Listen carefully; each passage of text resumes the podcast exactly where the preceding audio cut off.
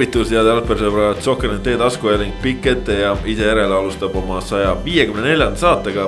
ja mõistagi selleks, et rääkida kõige olulisemat jalgpallijuttu maailmas täna.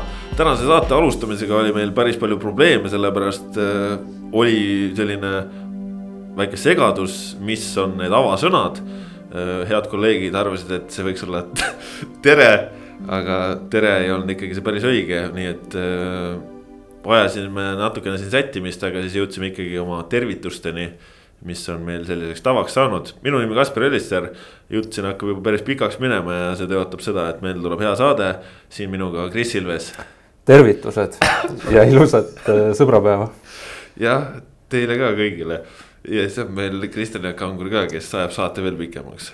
ja nagu alati, tere, ma küll ei häbene tere öelda ma tahtsin, Kris soovis siin kõigile head sõbrapäeva, ma tahaks Krisile õnne soovida hoopis sellepärast, et äh, nii nagu eelmisel aastal oli äh, Manchester Unitedi fännidel võimalus tõdeda, et mingi karikas ikkagi tuuakse koju. nii saab seekord tõdeda kõik see suur Arsenali pere, et, et vähemalt Super Bowl on käes. kui me vaatame klubide omanikke, siis kaks viimast aastat on nii läinud, et eelmise, eelmisel aastal Tampa Bay, kelle omanikud on Glazerid ja nüüd siis äh, Rams, kelle omanik on Stan Kroenke, nii et ma loodan, et pidu oli pikk ja põhjalik. ma, ma ootasin, et sa ütled, et neljanda koha karikas tuleb ära. see tuleb niikuinii. ei no see oleks hea. Arsenal on juba sellises staatuses, et kui nüüd üle aastate jõutakse uuesti neljanda koha peale, et see oleks nagu nii-öelda naasmine siis oma positsioonile, et saab karika selle eest või? no muidugi, siis saab ju maailma tippudega eurosarjas mängida. jaa Manchester Unitedil tegelikult neid karikaid on natuke vähem viimastel aastatel, et Arsenal on ikka vähemalt, vähemalt suutnud seda kodust karikat võita. ja tänane. super, Super Bowl, ühesõnaga Super Bowl. ainus, mis on jäänud. täna Eestis on pigem populaarsed teised mingisugused bowl'id, äh, pokekausid ja, ja, nii edasi tänases saates äh, räägime jalgpallijuttu jah, nagu on tavaks saanud, räägime kodumaist jalgpallijuttu, aga Äh, saate teises pooles on meil täiesti põhjalik segment valmistatud ette äh, meistrite liiga. naaseb ka sel nädalal ja meistrite liiga äh, duellidest siin saate teises pooles räägime kõikidest neist, mis meid ees ootab. Aga tegelikult otsapidi ikkagi saadet alustame ikkagi ka välismaaga ja, ja sellesama Inglismaaga. millest siin põgusalt rääkisime, Karl-Jakob Ein, Eesti koondise esiväravat äh, tegi siis möödunud nädalal oma debüüdi Inglismaa esiliigas championship'is Readingu eest. kaks mängu pidas siis esmalt Bristol City'ga võõrsil ja, ja siis nüüd nädalavahetusel Coventry'ga ja, ja mõlemad küll paraku kaotas koos klubiga, esimene siis üks-kaks ja sinna otsa kaks-kolm, nii et siit? noh, musta huumorit tehes siis võib öelda, et selleks Hein sinna läks, et praktikat saada ja on, on saanud kõvasti. aga nii palju, kui on õnnestunud muidugi meeskonna mänge vaadata, siis äh, selles mõttes ei ole ju hullu, et ta on Arsenalist laenul seal muidu oleks nagu see klassikaline mure, et. ehk et pääseb sealt minema. jah, et noh, hooaja lõpus pääseb minema, et ei pea jääma sinna, sest muidu oleks see klassikaline mure täpselt, et noh, teed lepingu ja klubi kukub liigast välja ja, ja, ja ongi on,, ongi jälle, hakka jälle otsima midagi, eks ole, et praegu seda muret nagu ei ole, Arsenaliga on leping olemas, kõik on hästi. noh, ei tea, kas see oli üks argument nüüd, et, et tõesti sellepärast saatagi mees sinna, et, et seal, seal on tööd. saad nagu ennast näidata ja tõestada, aga teisest küljest, eks see ole ka muidugi noore väravavahi noh, ikkagi tundmatus kohas vette viskamine arvestades, et äh, klubil siiski oli nagu selline oma, oma poisist esiväravavaht enne olemas. Et sa nüüd lähed nagu meeskonda, kus kaitse noh, on suhteliselt sõelik, sest et nende kahe mängu põhjal see, mida seal tehakse, see on kohati ikka päris, päris piinlik olnud seda vaadata. ja, ja ärme unustame seda, et Heinal on need tegelikult esimesed korralikud klubimängud meeste seas. Eesti koondis on olnud ainus koht, kus ta on, on seni nagu sellist mängu saanud mängida. et noh, mingites olukordades on natukene näha, et, et asi, mida me koondises heina puhul ei ole kordagi näinud, aga väike nagu vibra on sees, et noh, kõik, kõik ei tule nagu, sellist kindlust ei ole. mis tegelikult võib-olla mõnes mõttes on kompliment, et kui me oleme näinud Heinalt sellist kindlust, mis on pannud unustama tema vanust tihti koondise mängudes. et siis noh, see näitab, kui kõva see tegelikult on, et me ei saa seda võtta enesestmõistetavana. aga, aga seal noh, kõige kindlam ta ei ole olnud, aga sul on seal uued kaaslased äh,, uus olukord. noh, sa pead seal ka ikkagi väga palju nagu päästma ja tassima sinult nagu eeldatakse, oodatakse, et, et see on no,, see on ma... hea, see on hea elukool talle, ma arvan, just mitte isegi nagu selles mõttes, et kui palju ta neid palle tõrjub või, või noh kui mitu eksimust ta seal teeb, aga, aga seda on talle nüüd tohutult vaja, et, et noh, see, see on selle laenu põhiline, põhiline pluss, mitte see, et, et ta nüüd teeks tohutult palju nullimänge seal või tõuseks kangelaseks, aitaks klubil liigasse püsima jääda, see on kõik boonus juba, aga see, et, et ta saab selle suhteliselt sellise kõrilõikajaliku tippjalgpallimaailmaga nagu veel igapäevaselt kohaneda. koondises on teine asi, sinna noh, tullakse kokku, kõik on tore, eks ole, kõik Kostja ja, ja kõik toetavad, eks ole, ja nii edasi, eks ole, vanemad mängijad, noh, seal ei, seal, seal sa saad vastu pead ka, kui sa halvasti teed. no ma kirjeldaks jah, võib-olla seda pigem nii, et see tundub üsna loogiline, et äh, kui sa tuled Inglismaa ikkagi noh, Kris kohe kompliment, et kuuled Inglismaa tippklubist Äh, Londoni Arsenalist äh, tuled äh, laenule klubisse, mis on raskes seisus. ja kus on tegelikult väga olulised mängud ja sa saad seal selle debüüdi, siis noh, ilmselgelt see on loogiline, et sa mingisugust närvi pead ikka tundma või. või sellist noh, väikest ma ei tea, positiivset pinget. aga noh, vaatasin siin seda nädalavahetuse mängu Coventry'ga tegelikult ju seal Hein alustas ikkagi suurepäraselt seal kuuendal minutil noh, võttis ilmselge värava ära suurepärase reaktsioonitõrjega. ja, ja tegelikult umbes sihukese esimese kümne minuti peale ilmselt Hein oli e, ka režissööri poolt siis kõige enam suurde plaani toodud mängija, ehk siis korduvalt teda äh, näidati ja ja, ja tõsteti fookusesse ja, ja pigem sellepärast, et ta oli siis ütleme, julgustavalt alustanud, aga noh, see kuidas Reding ise mängib või kui naiivselt äh, nad kaitses tegutsevad ja, ja millist sellist, äh, ma ei tea ebakõla ja, ja segadust on nende ründemängus, noh, see on ikkagi päris, päris hull, et äh, seal need asjad no lihtsalt ei suju ja ei jookse ja. ja seda nagu isegi natuke veider vaadata, aga selles mõttes on hea meel Heina üle, et tõesti nüüd siis saab elus esimest korda meeste jalgpallis nagu liigat äh, korralikult mängida ja. ja loodetavasti ta jääb mängima, loodetavasti need tulemused ikkagi lähevad ka paremaks, et siin nädalavahetusel oli ju väga oluline mäng ja nad said juhtima ka, aga noh, siis jälle äh, nii õnnetult seal avapoole ja viimastel sekunditel tuli see esimene seal rikošetid ja asjad ja, ja siis noh, teisel poolel juba läks ka asi, asi käest ära.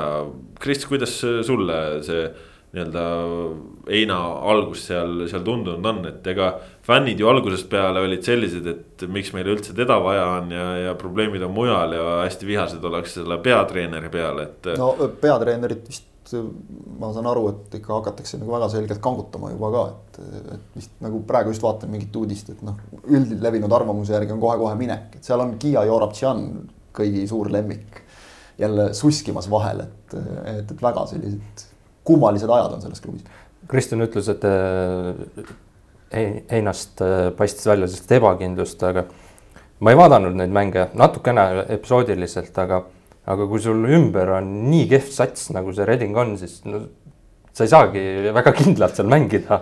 Lis lisaks veel see, et äh, okei okay,, esimesed mängud alles ei ole väga, ilmselt ei ole kõikide mängijatega suhelnudki, et see kõik juurde, aga aga noh, peaasi jah, see, et ta saab seal mängupraktikat, läheb kuidas läheb, ma arvan, et ega tal, ega tal kuidagi see kahjuks ei tule, pigem ikkagi ainult kasuks ja, ja noh, ma ütleks, et äh, kasvõi selle nädalavahetuse mängu pealt, mida ma vaatasin, siis no mina, mina isegi ei tunnetanud seda ebakindlust äh, sellisena või noh.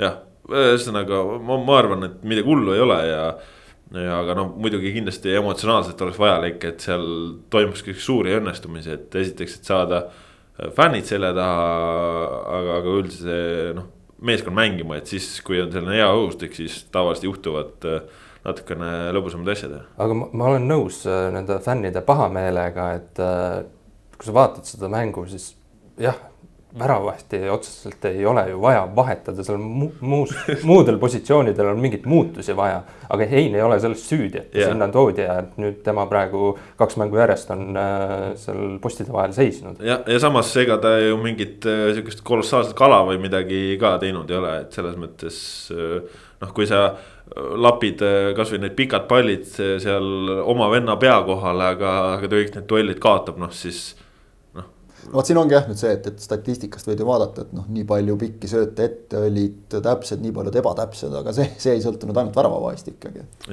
nagu mehed palli ei võida siis. jah, et kui sa nagu päris tribüünile ei lao, mida esimeses mängus ma saan aru, et natukene oli ka ette tulnud, eh, siis noh. seal saab jah süüdistada, nagu sa külje out'i lahmid nad, eks ole, kõik. aga, aga, aga selles mõttes on muidugi see Reding jälle nagu huvitav meeskond, et noh, mitte nüüd ikka väga ammu ju mängiti Premier League'is ja, ja oldi seal nagu täitsa täitsa hakkajad aga noh, vist oli natuke üle oma varju hüppamine. no tuli ju ka, milles praegu probleemid on, et uus omanik no., suured kulutused peale, rahalised siis karistused ja piirangud ja üleminekukeelud ja nii edasi, et, et ega noh, sellepärast ju ka. kuus miinuspunkti praegu vist. jah, et ega nad sellepärast ju ka mängijaid laenule on võtnud, et osta kedagi ei tohi ja, ja noh, siis sa võib-olla ei saagi omal seda kaitseliini ka sedavõrd korda timmida, on ju. aga noh, selles mõttes on nagu jälle hea, et, et kui võtta seda nagu kogemust, et noh, nagu väga palju hullemaks, hullemasse klubisse ei saa nagu selles mõttes sattuda, et kus sul nagu igasugune mänguväline segadus on, et just, et võib-olla tahab Arsenal ka näha, et kuidas mees nagu sellises olukorras seda pinget talub mis seal ikkagi mingis mõttes ju on, eks ole, noh kogu, lihtsalt kogu seda janti, mis ümberringi käib, kuidas ta selle ära seedib. ja samas tegemist ikkagi Inglismaa esiliiga klubiga, ehk siis kõik need asjatoimetamised käivad ikkagi tipptasemel ja, ja tegelikult ka, kuigi see, me kirjeldasime, et Reding mängib siin praegu väga õudset jalgpalli. siis noh, taseme mõttes sul on seal on ikkagi nii, nii liigas kui ka sul omas satsis, sul on ikkagi seal tüübid, kes on ikkagi väga hea tasemega jalgpallurid. heina jaoks on olulisem, mis tasemel on vastased väljakumängija jaoks oleks tähtis see, et sul ei ole kaikad ümberringi, eks ole, et kellega sa ei saa korralikult kokku mängida. aga, aga Heina jaoks on isegi pigem nagu see, et liiga tase on kõva, see on ju tähtsam, sest tema peab ju vastaste lööke tõrjuma seda on ju rääkinud siin meie, ütleme noh, välisklubidesse liikunud Eesti mängijad, et, et kui sa, kui sa trennis noh, tõrjud, eks ole, juba, juba, juba paremal tasemel mängijate lööke, noh, kes tal on seal junior Hoiletid ja sellised mehed on ka trennis, eks ole, tegelikult, et noh. mängus see, et nagu välja ei tule, et, noh, trennis sulle raami ikka suudetakse lüüa, ma eeldan nagu, et nii halvasti ka ei ole. et, et selles plaanis suhteliselt ideaalne ikkagi ja, ja noh, kõige rohkem, mida me ju lootsime, oli see, et, et kui ta läheb sinna laenule et kogu selle segaduse keskel loodetavasti nüüd uue peatreeneri tulek ei, ei muuda midagi selles osas. et ta mängida saaks, et idee oli ju mängupraktikat saada ja noh, selles osas on juba asi õnnestunud, sest kaks mängu on juba kirjas. kaks on parem kui null. kaks on parem kui null ja kasvõi see, et sa saad juba noh, nagu edaspidi karjääris edasi liikudes, sest noh, üsna võimalik, et teda ootab veel mõni laen ees vaevalt ta nüüd kohe siin läheb Arsenali tagasi ja, ja Ramsdale'ilt esivärava kohe ära võtab. et, et sa saad juba näidata, et noh, mind on usaldatud, ma olen ikkagi hakkama saanud, eks ole, enam-vähem ja tõesti, nagu sa ütlesid, ükski värav tema süü ei ole küll kindlasti. ja kiitus äh, nii palju ka temale, et nii noor väravavaht äh, tihtipeale Premier League'i klubis, kui sa oled seal kolmas-neljas väravavaht, sind laenatakse välja kuskile League One, League Two on ka juhte, kus veel madalamale. Aga tema on championship'i ja tüüp kolmas mäng kolmest kaks on mänginud noh.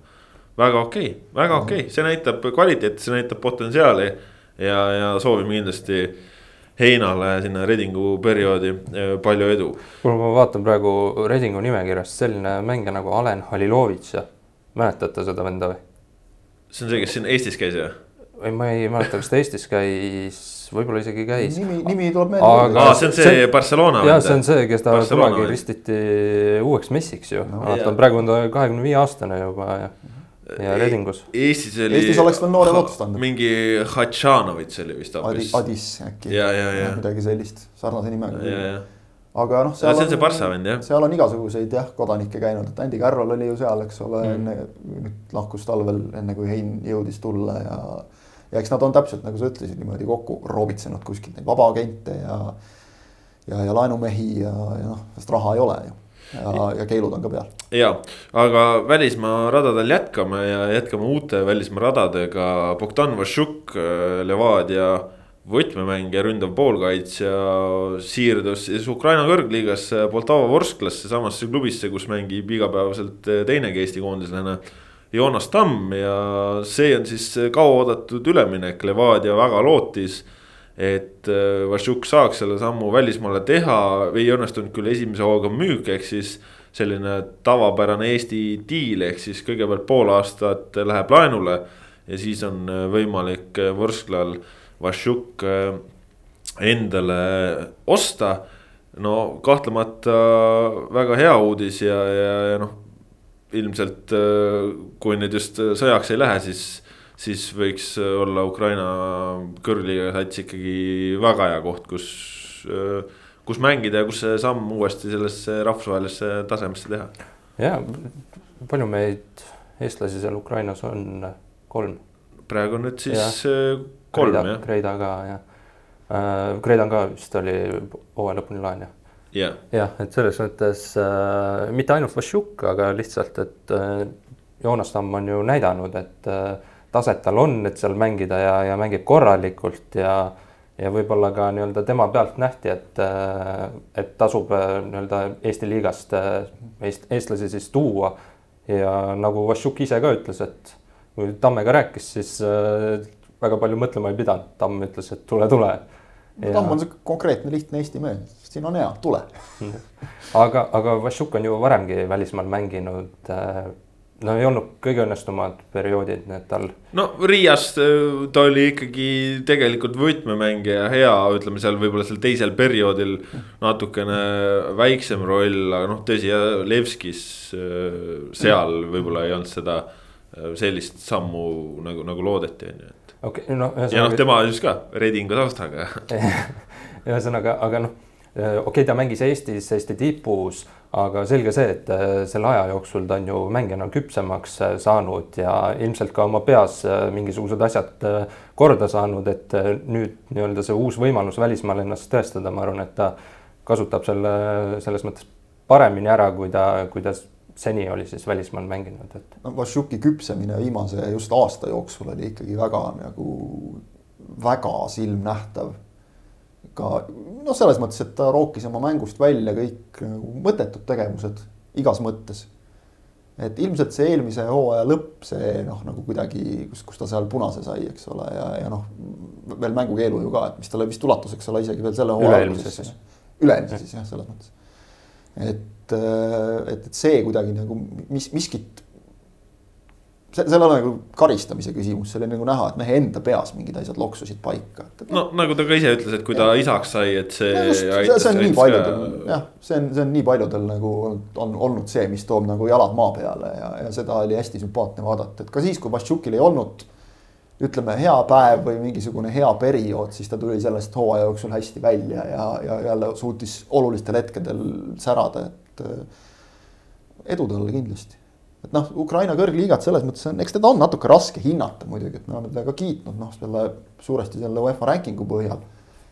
nõus, et äh, seal on tippklubid, mis on noh, väga tugevad ja, ja kuna ranking kujuneb eurosarjade pealt, siis noh, võib-olla see päris adekvaatselt nagu kogu liiga tugevust ei peegelda, et, võib-olla ta nüüd noh, tervikuna nii kõrgel ei ole, nagu see UEFA tabel näitab aga ta on siiski tugev liiga ja, ja noh, see, et, et kui sealt on tulnud mingisugused mehed Eestisse, kes võib-olla Eestis ei ole hakkama saanud, kasvõi sealtsamast Vorsklast, eks ole, nüüd tõmmata nagu noh, nii meelevaldseid paralleele, et, et siis, siis järelikult on tegemist nagu nõrga klubiga ja kehvemaga kui kuidagi kui tasemega kui, kui Eesti meistriliiga, noh.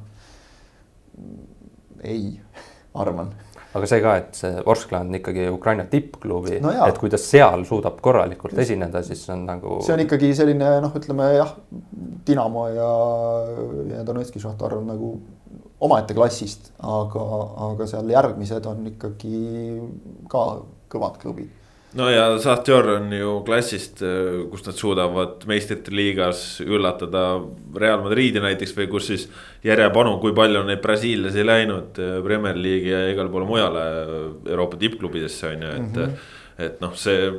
no võtame, võtame kasvõi näiteks Zenjovi aja, eks ole, seal ja, ja Karpato, et noh, kuidas nad, nad mängisid eurosarja ja. ja hästi kuidas, mängisid. kuidas said hakkama seal täitsa kenasti, et et ei olnud nagu küsimust, et Ukrainasse noh, nagu jagub, jagub neid mehi küll tegelikult, mitte ainult nende kahe suure klubi jaoks, vaid kui sa seal. võib-olla jah, liiga tagumine ots ei ole nii kõva, aga noh, seda on teistes nagu tippmistes liigades ka tegelikult.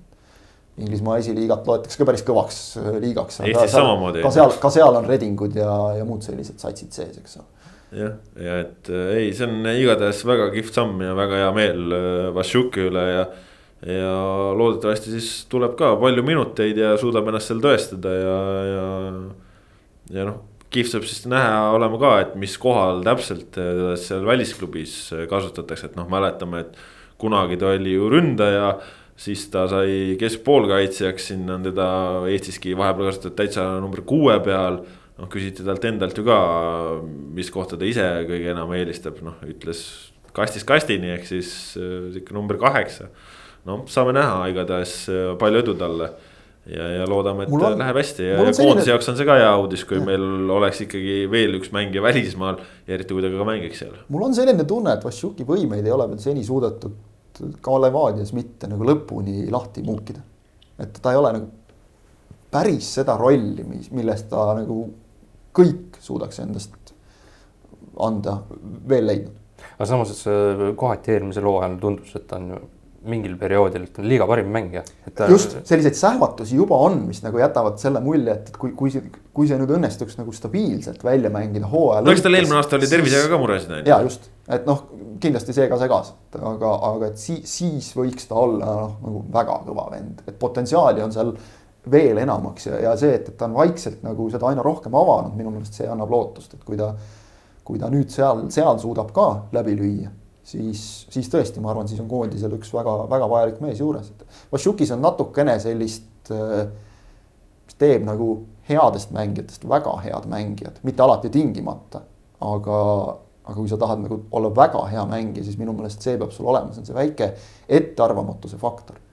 see on, see on Vassiukis vägagi olemas, sellised noh, ebastandardsed lahendused natukene mingi teisel tasandil mõtlemine mingites, mängu nägemine natukene teisel tasandil. minu meelest see on temas olemas, seda ei ole veel nagu lõpuni, kas ta ise või siis klubid, treenerid suutnud temas avada, et kui see klõps ära käib, garantiid ei ole, et see juhtub, neid on küllalt olnud selliseid mängijaid, kellega noh, see jääbki avamata. aga et kui see peaks juhtuma, siis, siis, siis me võime veel väga palju asju temalt oodata. ja on veel välismaale siirdumisi möödunud äh, nädalast. Äh, noor Christopher Käit ka, Mattias Käidi, Eesti koondislase noorem vend, siis vanust äh, tänaseks peaks olema kuusteist eluaastat. tegi siis sammu Portugali tippklubisse FC Portosse, küll siis akadeemiasse, aga profilepinguga ehk siis ka väga kihvt samm ja, ja, ja esiteks see, et läheb ikkagi väga-väga tugevasse klubisse. ja, ja teiseks noh, ka see samm, et midagi lisaks Itaaliale ka meil. vaheldusrikkus on alati hea, aga ikkagi ütleme jälle sinna noh, nagu lõuna poole, et, et meil on siin ju läinud Portugali siin mehi veel ja, ja, ja ka Itaaliasse just ja. ja noh, on käidud näitamas sealpool ennast palju, et et kui meil on palju räägitud sellest, kuidas noh, Eesti jalgpalluril väidetavalt ei ole üldse tehnikat ega noh, nagu kõike seda, et, et ju siis ikka midagi on, kui, kui sinna juba saadakse. sest noh, kui sa kuueteistaastaselt sinna saad, siis see tähendab, et sul peab ikka mingi korralik baas all olema. eks selles mõttes, et noh, võib-olla nagu võib-olla need meie noortetreenerid siis kõik nagu nii halvad ei ole ka ikkagi.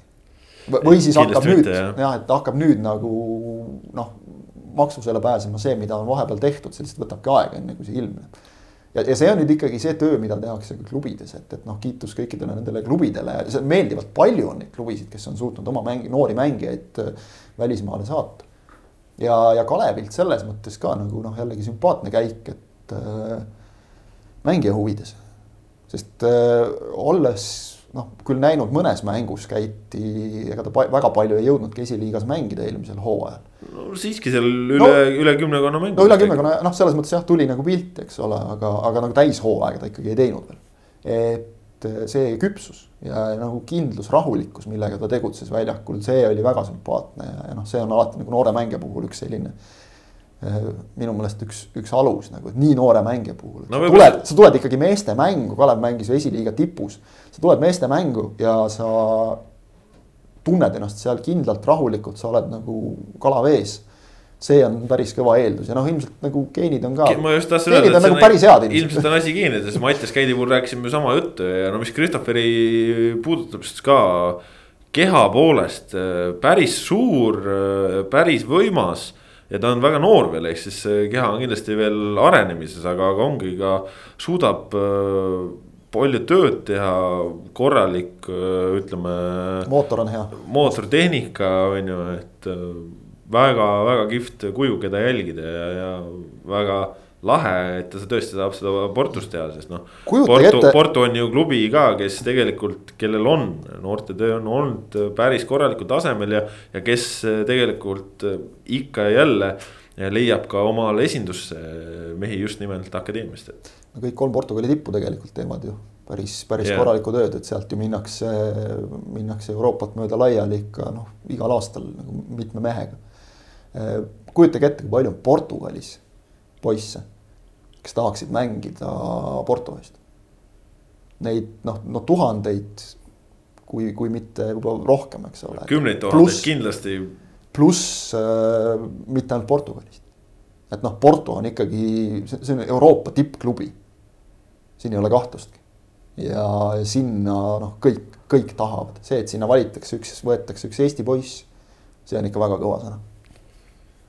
Jah, mul ei olegi midagi lisada, ma ei ole väga palju Keiti, nooremat Keiti mängimas näinud, aga nii palju kui esiliigas olen sattunud mänge jälgima, siis kõik ütlesid ära, et ongi lisaks veel võib-olla nii palju, et, et kuidagi tal on see sära silmis või see, et ta, ta tahab mängida, ta tahab areneda, tahab kuhugi kaugele jõuda, seda on nagu kõrvalt äh, näha tema puhul ja, ja nüüd on see esimene samm tehtud ja loodetavasti ka läheb kõik hästi ja ta on veel noor, selles mõttes kindlasti kuuleme temast ju lähiaastatel. aga, aga meenutame, kui Mattias Käit tuli pildile, noh, selles mõttes, kui nagu Eestis hakkas mängima, me nägime, siis oli ju täpselt sama asi tegelikult, et ka see on geenides, ma arvan, see mängu nautimine ja selle läbi arenemine, et see on, seda on hästi vahva oodata mõlema puhul ja, aga jääme siit, kui juba Kaleviga natukene seotud oleme, jääme siit Kalevi juurde, aga tuleme nüüd Eesti teemade juurde vahetumalt.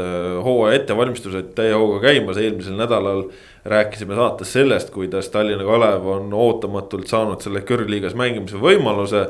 ja nüüd siis nädal on tegelikult toonud väga palju juba selgust ka Kalevi tegemiste ja toimetamiste suhtes. On käed löödud Hannes Anieriga ehk siis äh, mees, kes on siin pikalt vaba olnud ja, ja keda me siin saates oleme ka ikkagi reklaaminud ja, ja, ja mahitanud ühele poole ja teisele poole.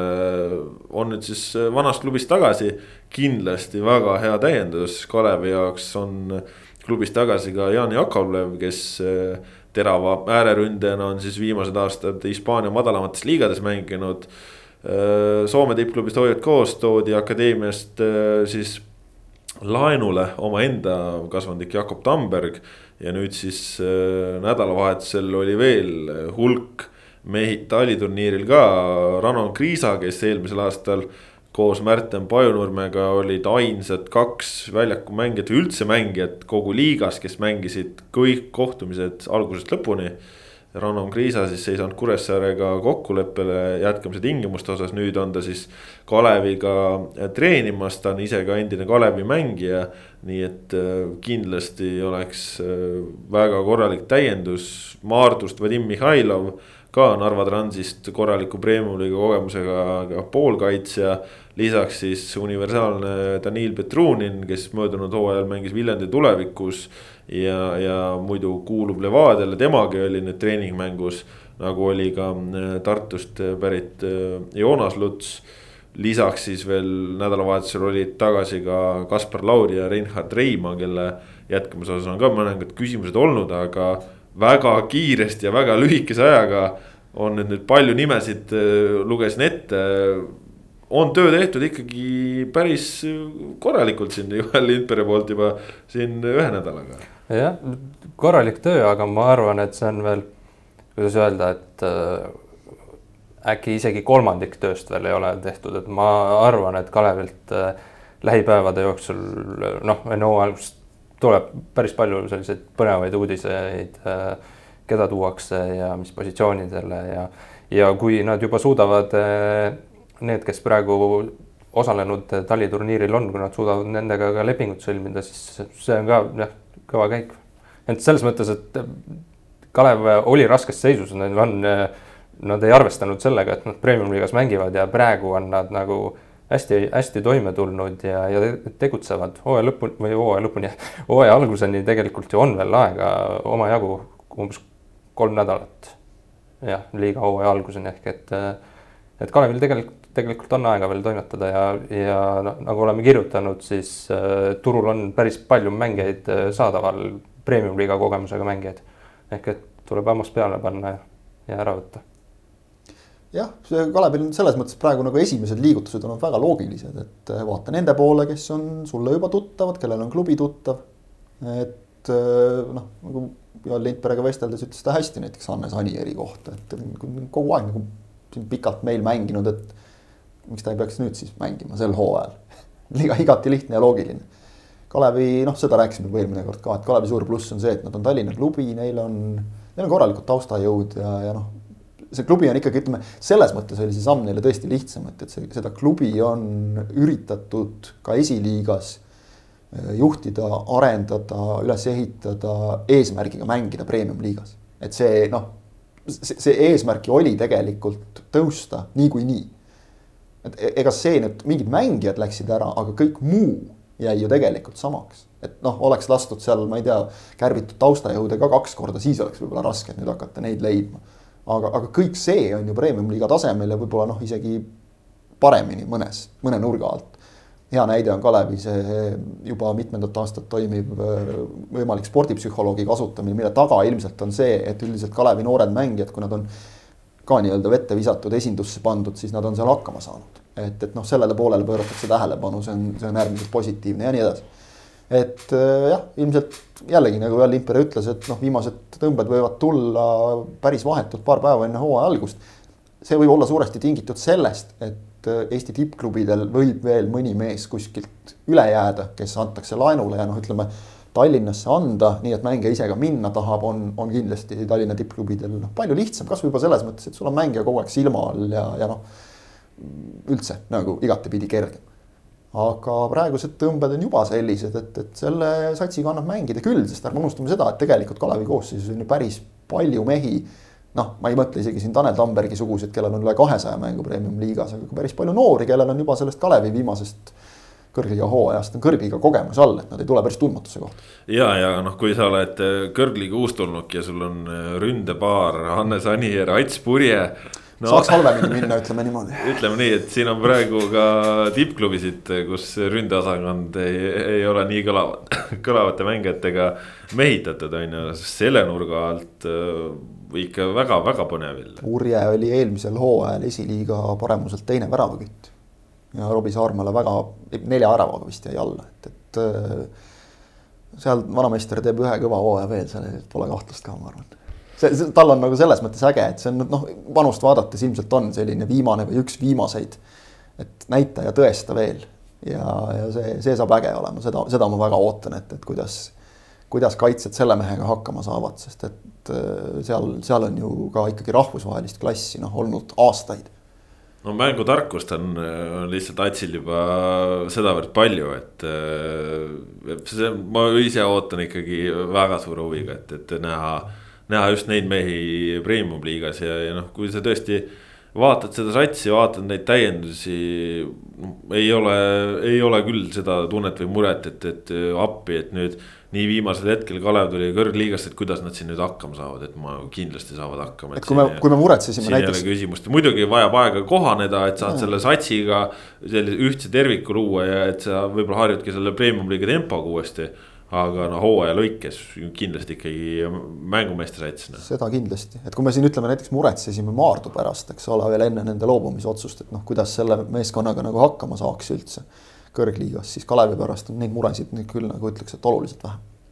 ja no võib-olla, kus on muresid natukene rohkem, on äh, Tallinna jalgpalliklubi Leegion ja, ja seda siis äh, põhjusel, et äh, et koosseis on vähemalt hetkeseisul päris palju noorenenud, et äh, siin noh, mis ka Kalevi kontekstis oli, Joel Lindpere ütles, et uurisid küll Sander ja Puri äh, endale toomist ka. Sander Puri otsustas ise siis äh, liituda hoopis Tartu Tammekaga, Leegioni mullune kapten, noh, Puri ütles, et äh, võimalusi oli tal ikkagi väga palju ja ka Eesti tippklubidest. otsustas siis lõpuks südame järgi Tartu valida, noh, kindlasti Tammeka jaoks ikkagi erakordselt hea täiendus ja, ja ja noh, Tammekale annab äh, Puri noh, tõesti nii, nii palju kogemusi juurde. Ja veel, et seal on nüüd Taio Tõniste kõrval ka poolkaitses sellist rahvusvahelist kogemust omav mängija, noh, see tõstab ju klubi noh, reaalselt tõstab paremale tasemele. no ja... Puri võime mõjutada mänge no, puhtalt positsioonist tulenevalt on oluliselt, noh, esiteks me nägime seda eelmisel aastal juba, eks ole kuidas ta suutis isegi koondises väga olulist rolli mängida. Ja, ja lihtsalt võrreldes tennistega, kellelt seda võib-olla eelmisel hooajal oodati, üks asi oli jah, vigastused, aga noh, lihtsalt positsioonid on erinevad ja ja, ja võib-olla mingil määral ka mängijatüübid selles suhtes just, et, et noh, mõlemad on sellised rahulikud, tasakaalukad, kogenud mehele sobilik, aga, aga puril väljakul vähemalt on, on noh, sellist ütleme jah, mängu mõjutamise võimet ilmselt rohkem, lihtsalt paratamatult positsioonist tulenevalt. ja, ja kui sul nüüd on ikkagi seal taga, kui nüüd Tõniste püsib, loodame, et püsib terve, terve hooaja. ja seal, seal tagaliinis on mingi kindlus tänu talle. keskel on sul Puri, kes vähemalt siin esimeses kontrollmängus sai küll üsna vabad käed ja noh, nagu kastist kastini töötada ja ma usun, et et, et selline ütleme siis Portugali stiil, see võiks talle, mis, mis paratamatult ilmselt äh, ilmselt Tammeka mängus nagu rohkem avaldub sel hooajal. Et see võiks talle küll väga hästi sobida tegelikult, selline teatav vabadus väljakul. seda mängu mõjutamise võimet äh, nägime tegelikult ju natuke ka selles viimases treeningmängus. okei okay,, treeningmäng treeningmänguks, aga kui sul on makaronid all ja, ja paned karistuslöögi sisse, siis, siis ei tea. mõjutas natuke mängu. Puri enda sõnadest kinni hakates, et, et nüüd, kui nagu hirmsasti trenni teha, et siis, siis läheb jalg kangeks ja hakkavad pallidele värava lendama, aga polegi nii hea võib-olla, aga ei, see, see oli noh, see näitas nagu ära, et, et täpselt, et sa võid olla, mis ta ütles, värskelt isolatsioonist tulnud mees no,. otse mängule jah. otse mängule, eks ole, ja põhimõtteliselt enne küsid treeneri käest, et noh, et kui sa tahad, et ma mängin, no ole seal keskel et naljaga pooleks, eks ole, et kui sa selle pealt ikkagi noh, selliseid asju teed ja see ei olnud nagu ainuke hea liigutus, mille ta mängu jooksul tegi, siis noh, see on, see on nüüd see, et, et vorm on ajutine, klass on igavene, et see, see hea näide sellest ja, ja õudselt hea meel on, et, et Puri ikkagi mängib edasi, mängib Eestis edasi. noh, see Tartus mängimine, ma usun, võiks ka veel natukene väikse lisasärtsu anda talle. ja koondise ambitsioon ei ole kadunud, et. just, see ei ole kadunud ja, ja, ja miks mitte noh, tegelikult tõesti väga hästi ütles Puri ka nagu vastuseks küsimuselt, noh, Tammeka eelmise hooaja eelviimane meeskond üleminekumängude meeskond, kui me just rääkisime, et, et noh, Kalevil ei ole nagu seda pakkuda seda klassi. aga Puri ütles hästi, et aga kes, kes Legionile eelmise hooaja eel väga suurt nagu sellist lendu ennustas. Et. pori läheb ja tassib kõrgustesse. oled ise mees ja, ja noh, ütleme, et Tammekal, kellel mingil hetkel tundus, et, et noh, koosseisu ikka nagu väga halvasti on sellega. on, on nüüd nende viimaste tõmmetega tegelikult, kui vaatad, kui taga sul on Tõniste ja Gerdo Juhkam. sul keskel on Tanel, kui keskel sul on Tanel Lang. ja siis Sander Puri no rääkimata Reia Laabusest. ainus, no Laabusest rääkimata, eks ole, et seal tekib juba natuke konkurentsi, eks ole, seal on noored poisid tahavad ka mängida ja, ja ainuke küsimus võib-olla on veel endiselt see, et, et kes väravaid lööb. puri noh, üksinda ei jõua ka, eks ole. et, et ette ründesse oleks võib-olla veel kedagi natukene teravama jalaga meest vaja. kindlasti on vaja jah. aga nagu aru saada, siis äh, ka neil on ju oodata täiendusi no,. jah, kõik, kõik praegu otsivad veel, et selles mõttes, aga, aga järsku tegelikult see on nagu hea näide sellest, et kus tundub, et no ei ole nagu väga kiita. noh, Kalevi puhul, et, et no nüüd niimoodi, mis nüüd nii saab ootamatult Tammeka puhul, et noh, pole endale kedagi toodud ja nüüd hakkad järsku vaatama siin nädalat kaks võib-olla hiljem. ja asjad on juba päris hästi. see on see hooajaeelse värgi võlu, et ja, iga päev midagi muutub. ja kihvt kiita tuleb Puriga intervjuu eest, et äh, Puri intervjuud on küll, mida aasta edasi, seda paremaks lähevad, et äh, nii mõnus siirus ja, ja ehtsus ja, ja täpselt nii peabki rääkima. selles väljendub oled see. oled aus ja, ja tunned ennast Just. vabalt ja, ja, ja ütled, mida mõtled ja. aga nendes intekates, nagu nendes intekates väljendub seesama, mida me näeme puri tegutsemises väljakul, et kui sa tead oma väärtust, sa tead, milles sa hea oled, aga sa ei tõuse pilvedesse. ja sa ei siis, mõtle üle. ja sa ei mõtle üle, sa ei aja nina püsti, eks ole, mis tuleb juba vanuse ja kogemusega ja see on noh, see on super, kui seda, seda rohkem on ja see on, see on niivõrd heaks eeskujuks ka noortele mängijatele.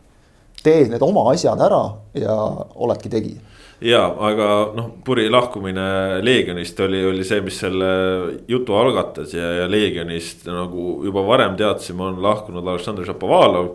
ründaja liitus siis Floraga. German Schlein, poolkaitse ja kaitsja Artur Šarnin on siis Nõmme Kaljuse omadega.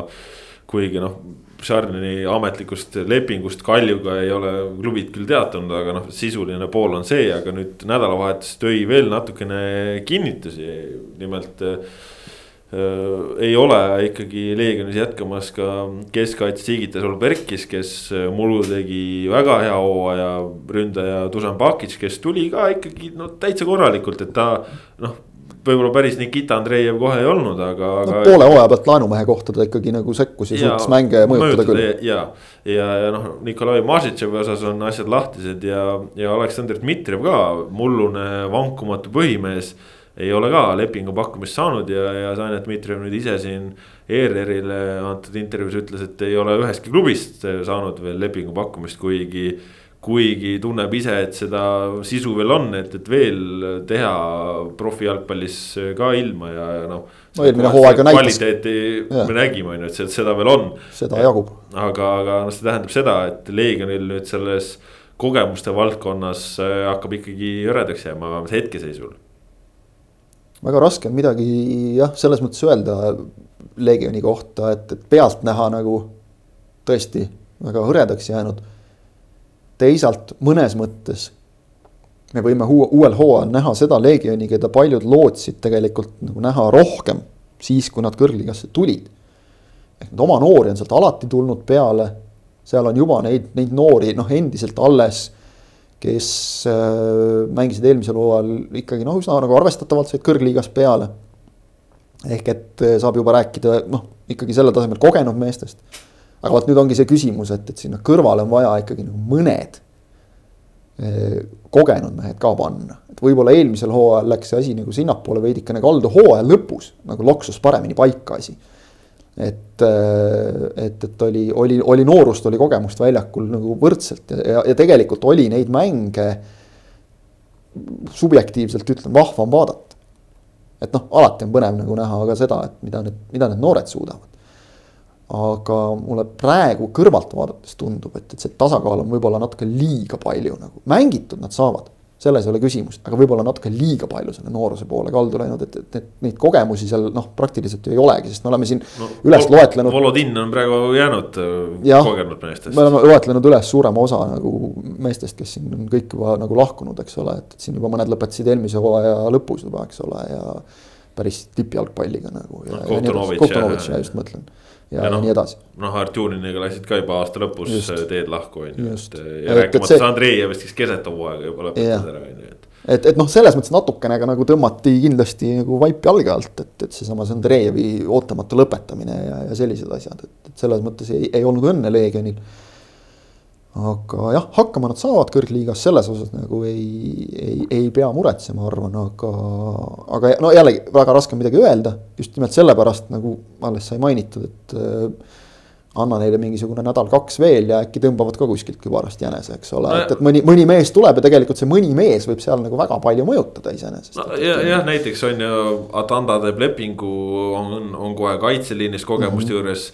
näiteks Mihkel Ainsalu ei lähe välismaale Mm -hmm. jääks mängima Leegionisse on ju, see oleks kohe keskväli kohe täiesti teise näoga, aga no.. no Tauno Tekko on meil veel, eks ole, nagu olemas põhimõtteliselt keskväljameestest, et, et noh, see neid, neid natukene on siin ikkagi. no Andre Paju ka. jah, Andre Paju näiteks, eks ole, et, et jah, kes ikkagi otsib minu teada ka endale nagu üsnagi endiselt aktiivselt no ta on tahtnud jah vist. kõrgliiga taset. Preemiumiga ikka mängida, aga eks ta sinna on Elvaga pannud, et ma ei tea, kas nad on ametlikult siin midagi omavahel kokku leppinud no, või mitte, aga aga ühesõnaga jah, sealt täpselt nagu see, see Tammeka näide, et pane noh, igasse liini üks mees juurde, eks ole, ja juba hakkab pilti looma nagu, et polegi palju mängijaid vaja tegelikult ja siis seal ümber need noored. noh, vaatame. ja noh, mis, mis on igatahes selge, selgelt oleme, oleme näinud, et Leegion praegu küll võtab suunda noorte peale aga noh. See on nende suur trump ja. et nad saavad sellele, seda teha. ja, et nad saavad seda teha ja et neil tõesti, neil on need noored, keda ei pea noh, nii-öelda jõuga lükkama kõrgliigasse, et nagu me oleme näinud, siis tegelikult need noored on olnud valmis selleks kõrgliigas mängimiseks järelikult neid on kasvatatud ja, ja treenitud piisavalt hästi. ehk et, et seda noh, kasutagu seda sel hooajal, kui need asjad on läinud nii, nagu nad on läinud praegu, eks ole, et sisuliselt suurem osa eelmise hooaja põhikoosseisust on lahkunud. Et, et noh, proovi praegu nii ja, ja, ja selle toel oleks võimalik saada võib-olla kõrgliigas täitsa nagu korralik koht ja, ja siis mingil hetkel jõuab jälle hakata võib-olla vaatama natukene ka noh, selliste suurema kaliibriga ja, ja mis seal salata, ka suurema palgaga meeste puhul. mõned noored on ju eelmisel aastal näiteks said juba mingisugust kogemust premium-liigas ka. väga, väga vajalikku kogemust on ju. ja, ja, ja noh, mitte niimoodi nagu viis minutit mängu lõpus, vaid ikkagi ka algkoosseisu kogemust. ja, ja ei mänginud halvasti selles mõttes, et ja. nagu. mina, mina siis... ei mäleta, et keegi Leegioni noortest oleks eelmisel hooajal nagu noh, võib-olla mõni mäng läks nagu untsu, aga nagu saad kohe öelda, et okei okay,, see vend ei vedanud välja. ei, seda ei olnud kohe kindlasti, kõik vedasid välja ja see on ikkagi, see on kõva sõna ja noh, võib-olla siit see plusspool siis äh, ütleme selle Leegionis toimunud äh, muutuste osas äh, on ka see, et Eesti jalgpalli jaoks, kui tuleb noori kõrgliiga jalgpalli juurde, siis noh, meie enda jalgpalli arengu mõttes tuleb tuleb täitsa kasuks, no igatahes saame näha, kuidas need asjad minema hakkavad. mis on veel meil möödunud nädalast äh, Nõmme Kalju mängis äh, soomlaste suure Hiiu HJK-ga ja, ja mängisid Viiki. mis mulje see mäng teile jättis? mina ei näinud seda mängu. No, Kangur nägi lähedalt. nägin lähedalt, selles mõttes nagu huvitav, et ühel päeval kaotad Tammekale ja siis teisel päeval mängid Soome meistriga nagu võrdne võrdsega ja, ja mõnes mõttes isegi Kalju peatreener Edi Cardoso ütles, et nagu jäi kripeldama. ja, ja saan isegi aru, miks, et tegelikult olid Kaljul lõpus päris head võimalused see mäng isegi võita. ehk vot vahel on nagu nii, et, et mõni meeskond mängib noh, seda paremini, mida kõvem on vastane. ja ega, ega soomlased käisid suhteliselt korraliku koosseisuga Tallinnas. siin ei saanud kindlasti rääkida mingisugusest siuksest B-meeskonnast. siin on ikka nagu, ja. ja, ja siin on ikka nimesid platsil nagu, Hasard ja okei okay,, tegu oli, oli väravavahiga, kes on, kes on laenatud. aga et natukene nagu äh, anda aimu sellest, millisel tasemel võrreldes äh, võib-olla Eesti klubidega, isegi Eesti tippklubidega. noh, kuigi siin Kalju ise tõi endale, eks ole ka, BSG mehe siis, äh, siis Conor, Conor Hazard on näiteks äh, põhja-iirlane on äh, laenatud Glasgow Celticust, sellisest kohast, ehk siis. ta no, mängis Põhja-Iirimaa koondises või? jah. ta ju oli on, Eesti vastu, kas platsil isegi või? võis isegi olla, igatahes koondises on ta olnud jah, mõned mängud ka. ta oli Eesti, Eesti vastu, Eesti vastu oli kindlasti oli koosseisus, äkki ta isegi mängis, ma arvaks mälu järgi nagu ma mäletaks. peast ei mäleta kohe nii kiiresti ei, ei leia ka, aga, aga noh, nimi on, eks ole, nagu tuttav, et hea näide, eks ole, et milliseid mehi nagu sinna tuuakse.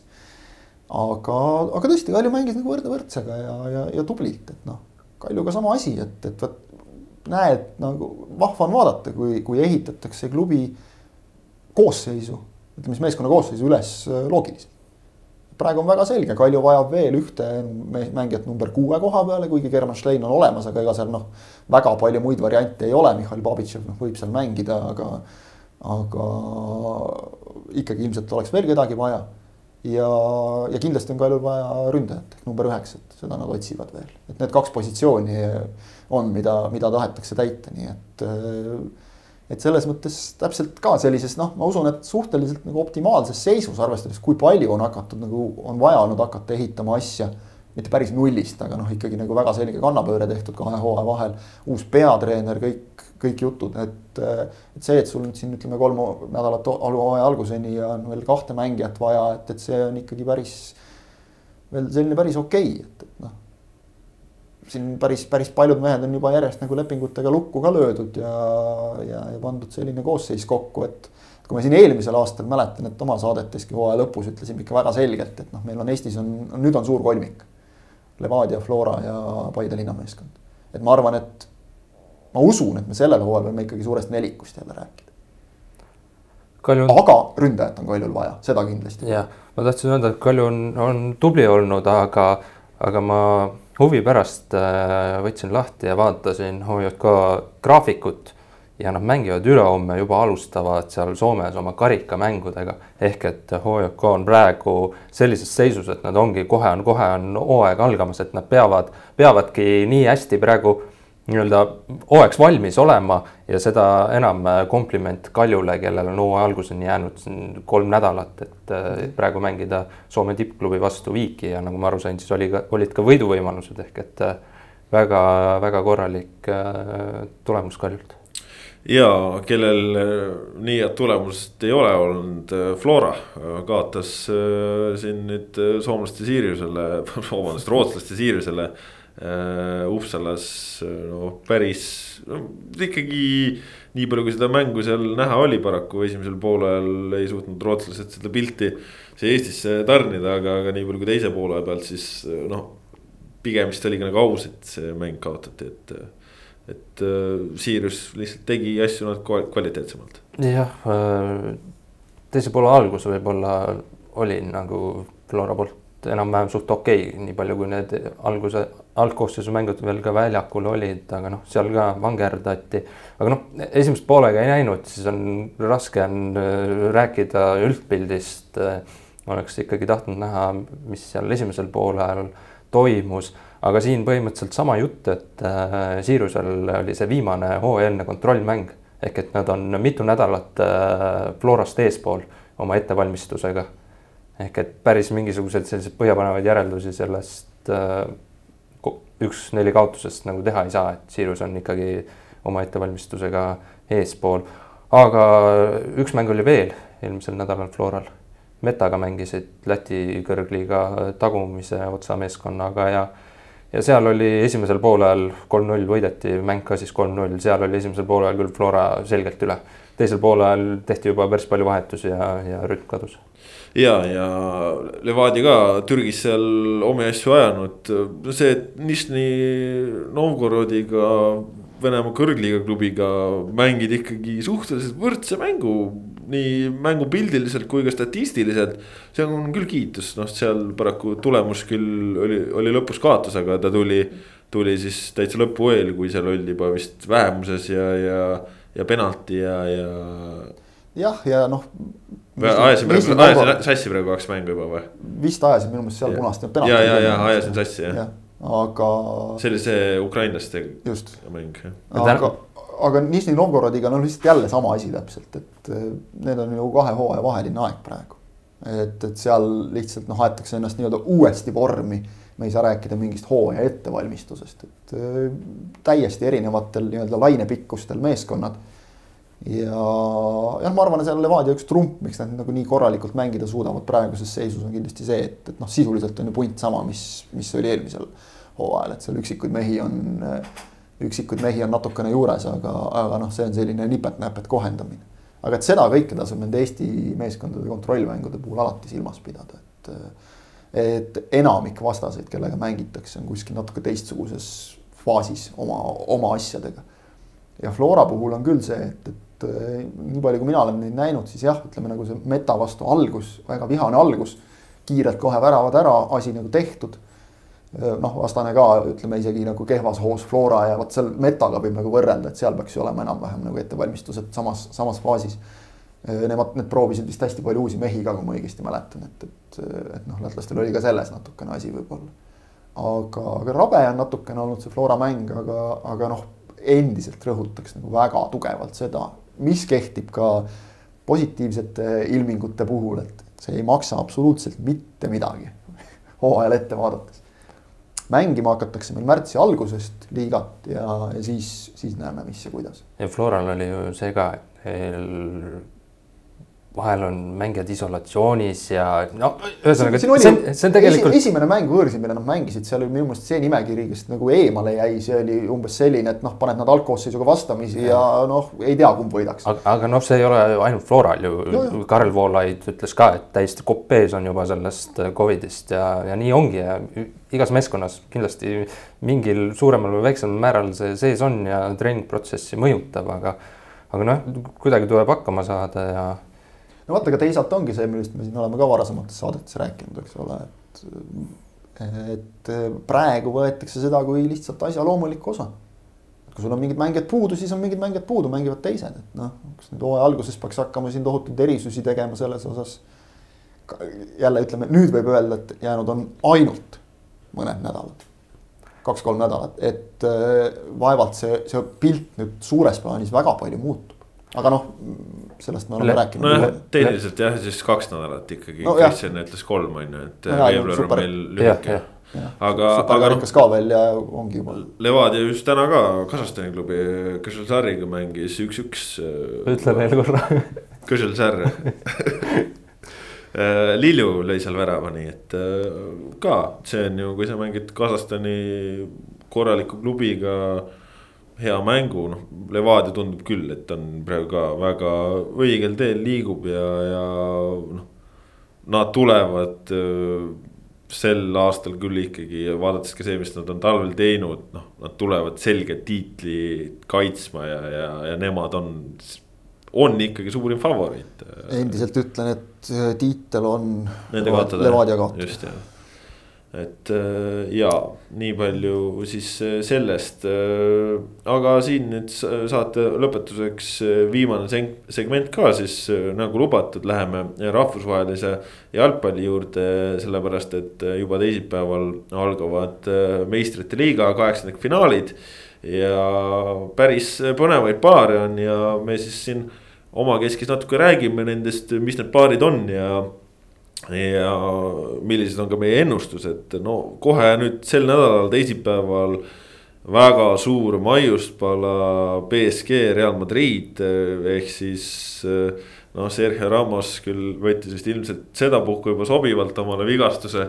et mitte. igaks juhuks. mitte oma endise klubi vastu mängima minna, aga aga noh, BSG, kes ikkagi väga-väga-väga-väga tahab äh, selle meistrite liiga võita, sellepärast et Prantsusmaa liiga on nagu on ja, ja neid on võitnud ja, ja nende staatust aitaks äh, kinnitada see, et, et nad on midagi ka Euroopas teinud, noh, mäletame, et äh, Reali suursugune ajalugu ju tulebki just nimelt selle pealt, mida nad on Euroopas teinud, et kui seal äh, toonase Euroopa karika tulles äh, võideti viis aastat järjest tuldi kohe paugutades seal, see siis lõi nende sellise kuulsuse suuruse.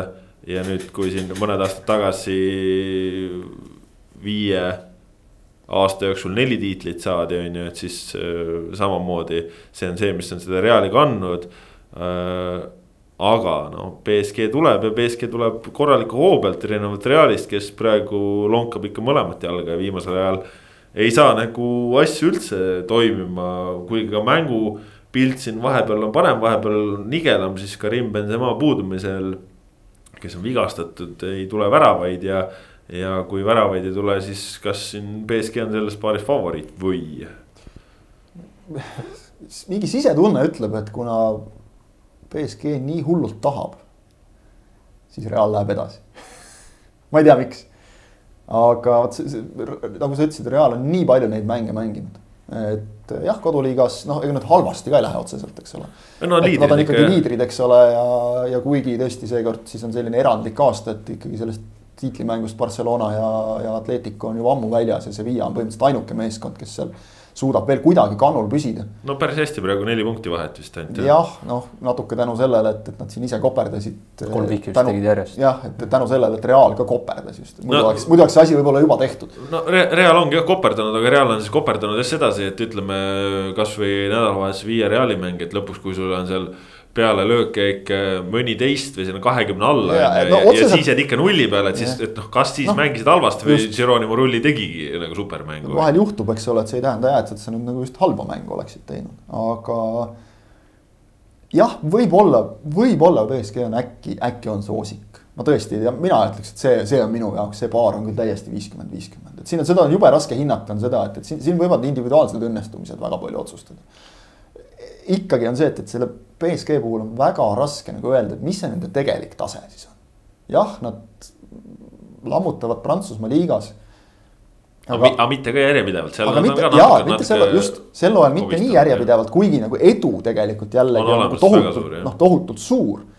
aga võib-olla see just jällegi uinutab, võib-olla see ei ole hea, eks ole, et, et see on väga-väga raskelt ennustatav paar, ma ütleksin aga ma, ma jään nagu rahumeeli selle viiskümmend viiekümne juurde, et, et siit on.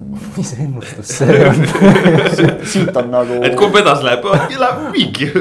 jah, täpselt, et, et kumb, siit on võimatu öelda nagu ette. No, löövad mitu päeva penalt. no ma ütlesin, mingi sisetunne ütleb nagu, et, et, et, et reaal, aga see, see põhineb puhtalt nagu lihtsalt, ma ei tea, mulle tundub sellel, mitte mingitel faktidel. no Kris, kuidas sulle see vastas siis tundub? sa, sa, Kristjan ütlesid, et äh, kuna BSG tahab nii palju, siis äh, Real läheb edasi. ma arvan, et, et see tõmbab BSG kipsi mingitel otsustavatel hetkedel no,. mulle kohe üldse kumbki klubi ei meeldi. kui oleks võimalik, siis nad võiksid mõlemad nagu veerandfinaalist välja jääda. selles oleme me suhteliselt ühel meelel aga ma ütlen siis niimoodi, et kuna BSG-s mängib Messi, siis BSG läheb edasi. ja Messi oskab Reali vastu mängida. seda küll seal ta lööb ilmselt kõik need oma väravad ära, mis tal löömata on mis tal jah, seni Prantsusmaal pole, pole ja. väga tulnud. Äh, see oleks ka, seal oleks ka mingi äraspidine loogika nagu, et Prantsusmaal ei löö, aga nüüd tuttav liiga ja tuttav koht siin panen ja no ma ise vaataks selle peale sedasi, et, äh, et kui tavaliselt on Real olnud see klubi, kes seal sügisel koperdab ja ei saa ennast kuidagi käima ja, ja siis ühel hetkel, kui jõuab veebruar kätte ja siis on mäng sihukese ludinaga jooksmas siis no sel aastal on see veebruar tulnud väga raskelt ja, ja Realil on just see ründemäng Benzema puudumisel olnud ikkagi selline, et ta nagu ei toimi, et seal mingitel hetkedel karikasarjas Ancelotist ei ole ka nagu päris täpselt aru saanud, et kui sul on seitsmekümne minutiga reaalselt üks pealelöök tehtud väravale, reaalselt üks pealelöök. et miks sa siis näiteks vahetusi ei tee või midagi taolist, et. no et, kordusmäng on märtsis, ma tuletan meelde, võib-olla selle aja peal on välja venitatud no, esimesest et, läbi ja, ja, ja siis mäng käib. Benzema tervis on ka paremaks läinud,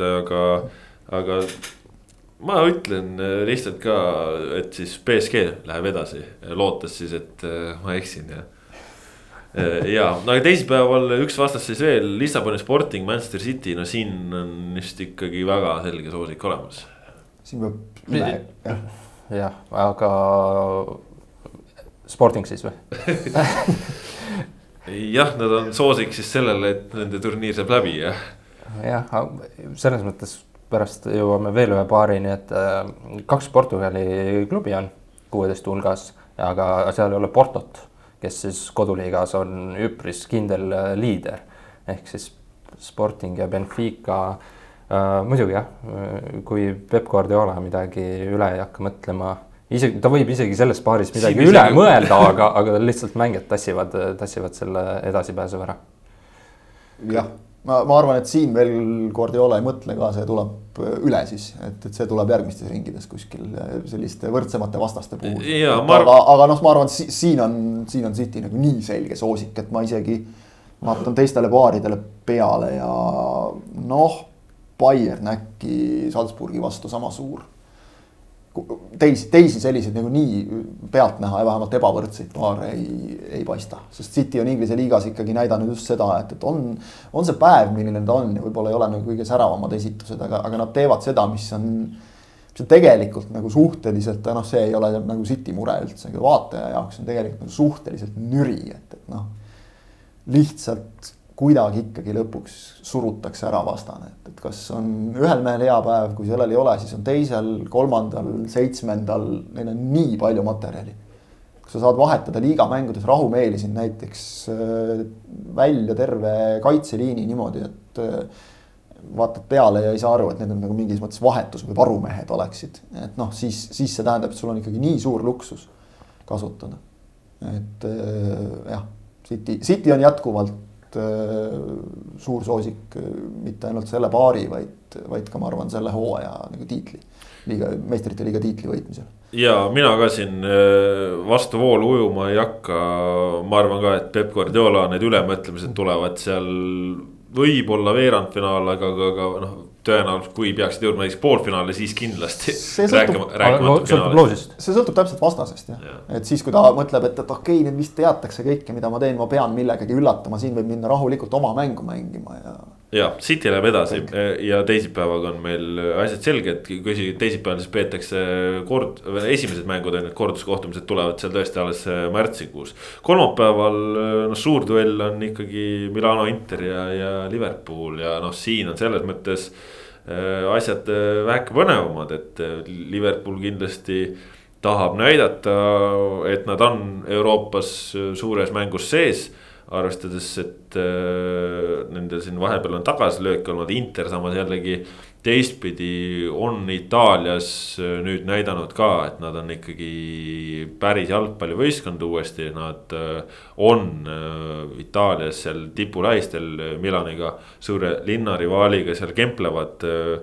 kus lõpuks peale jääb. Napoli ka noh, Napoli on seal ka lähedal ja punktivahelised Napoli on vahepeal oma, oma möönast nii-öelda üle saanud, on ju. et aga, aga noh, et Inter ei ole enam, enam see võistkond, kes ei mängigi eurosarjas, on ju, et see on.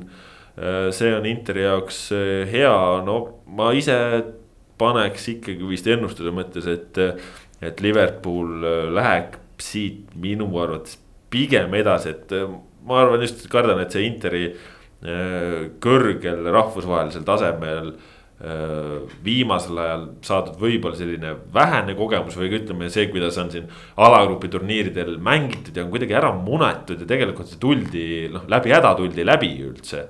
et äh, on natukene nagu ohukohtasid, et see Inter noh, ta ei ole veel Euroopa Euroopas liiga, valmis. Euroopa liiga finaali jõuti, eks ole yeah., aga, aga noh, jah, ma arvan ka, et üsnagi väike. aga samas siiski julgen öelda, et selles mõttes nagu selgelt, kui siin soosikut valida, siis on see Liverpool, et Inter ei ole seda kindlasti. Inter ju tegelikult koduliigas ka viimastes voorudes, viimase nelja liigamänguga üks võit ainult ehk et äh, seal ka neil ilmselt asjad kõige paremini ei klapi, aga okei okay,, seal on mängitud ka sellesama Napoli ja, ja AC Milaniga ja, ja Atalantaga ka veel, kuhu on punkte kaotatud, tugevad vastased aga. no Liverpool samasugune väga tugev vastane. noh, ma arvan, et siin Liverpool ikka mingi selline seitsekümmend, kolmkümmend julgelt. aa, niimoodi lausa jah? no mina jääks kuuekümne, neljakümne juurde võib-olla. aga, aga Liverpooli puhul on huvitav see, et äh, kuidas Sadio Mane ja, ja Mohamed Salah sealt äh, Kamerunist tagasi tulevad, äh, mis hooga Manes ei pea, ei pea selles mõttes kahtlema, et tal on kindlasti hea tuju ja, ja kind, ma arvan, et see kandub ka Liverpooli esitustesse üle.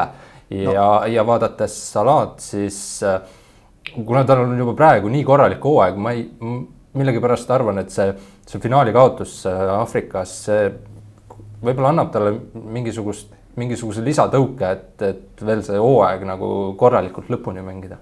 esimene mäng Leicesteri vastu kohe, kus Sala tuli vahetusest sisse ja no tundus värskem veel, kui ta enne sinna Aafrikasse minekut oli. et eh, tal nagu selle sisemise mootori ja kõige sellega on kõik väga paigas ehm,. ei ole, ei olnudki vaata see finaal tegelikult selline noh, üks suur ja ainus eluvõimalus, mis käest libises.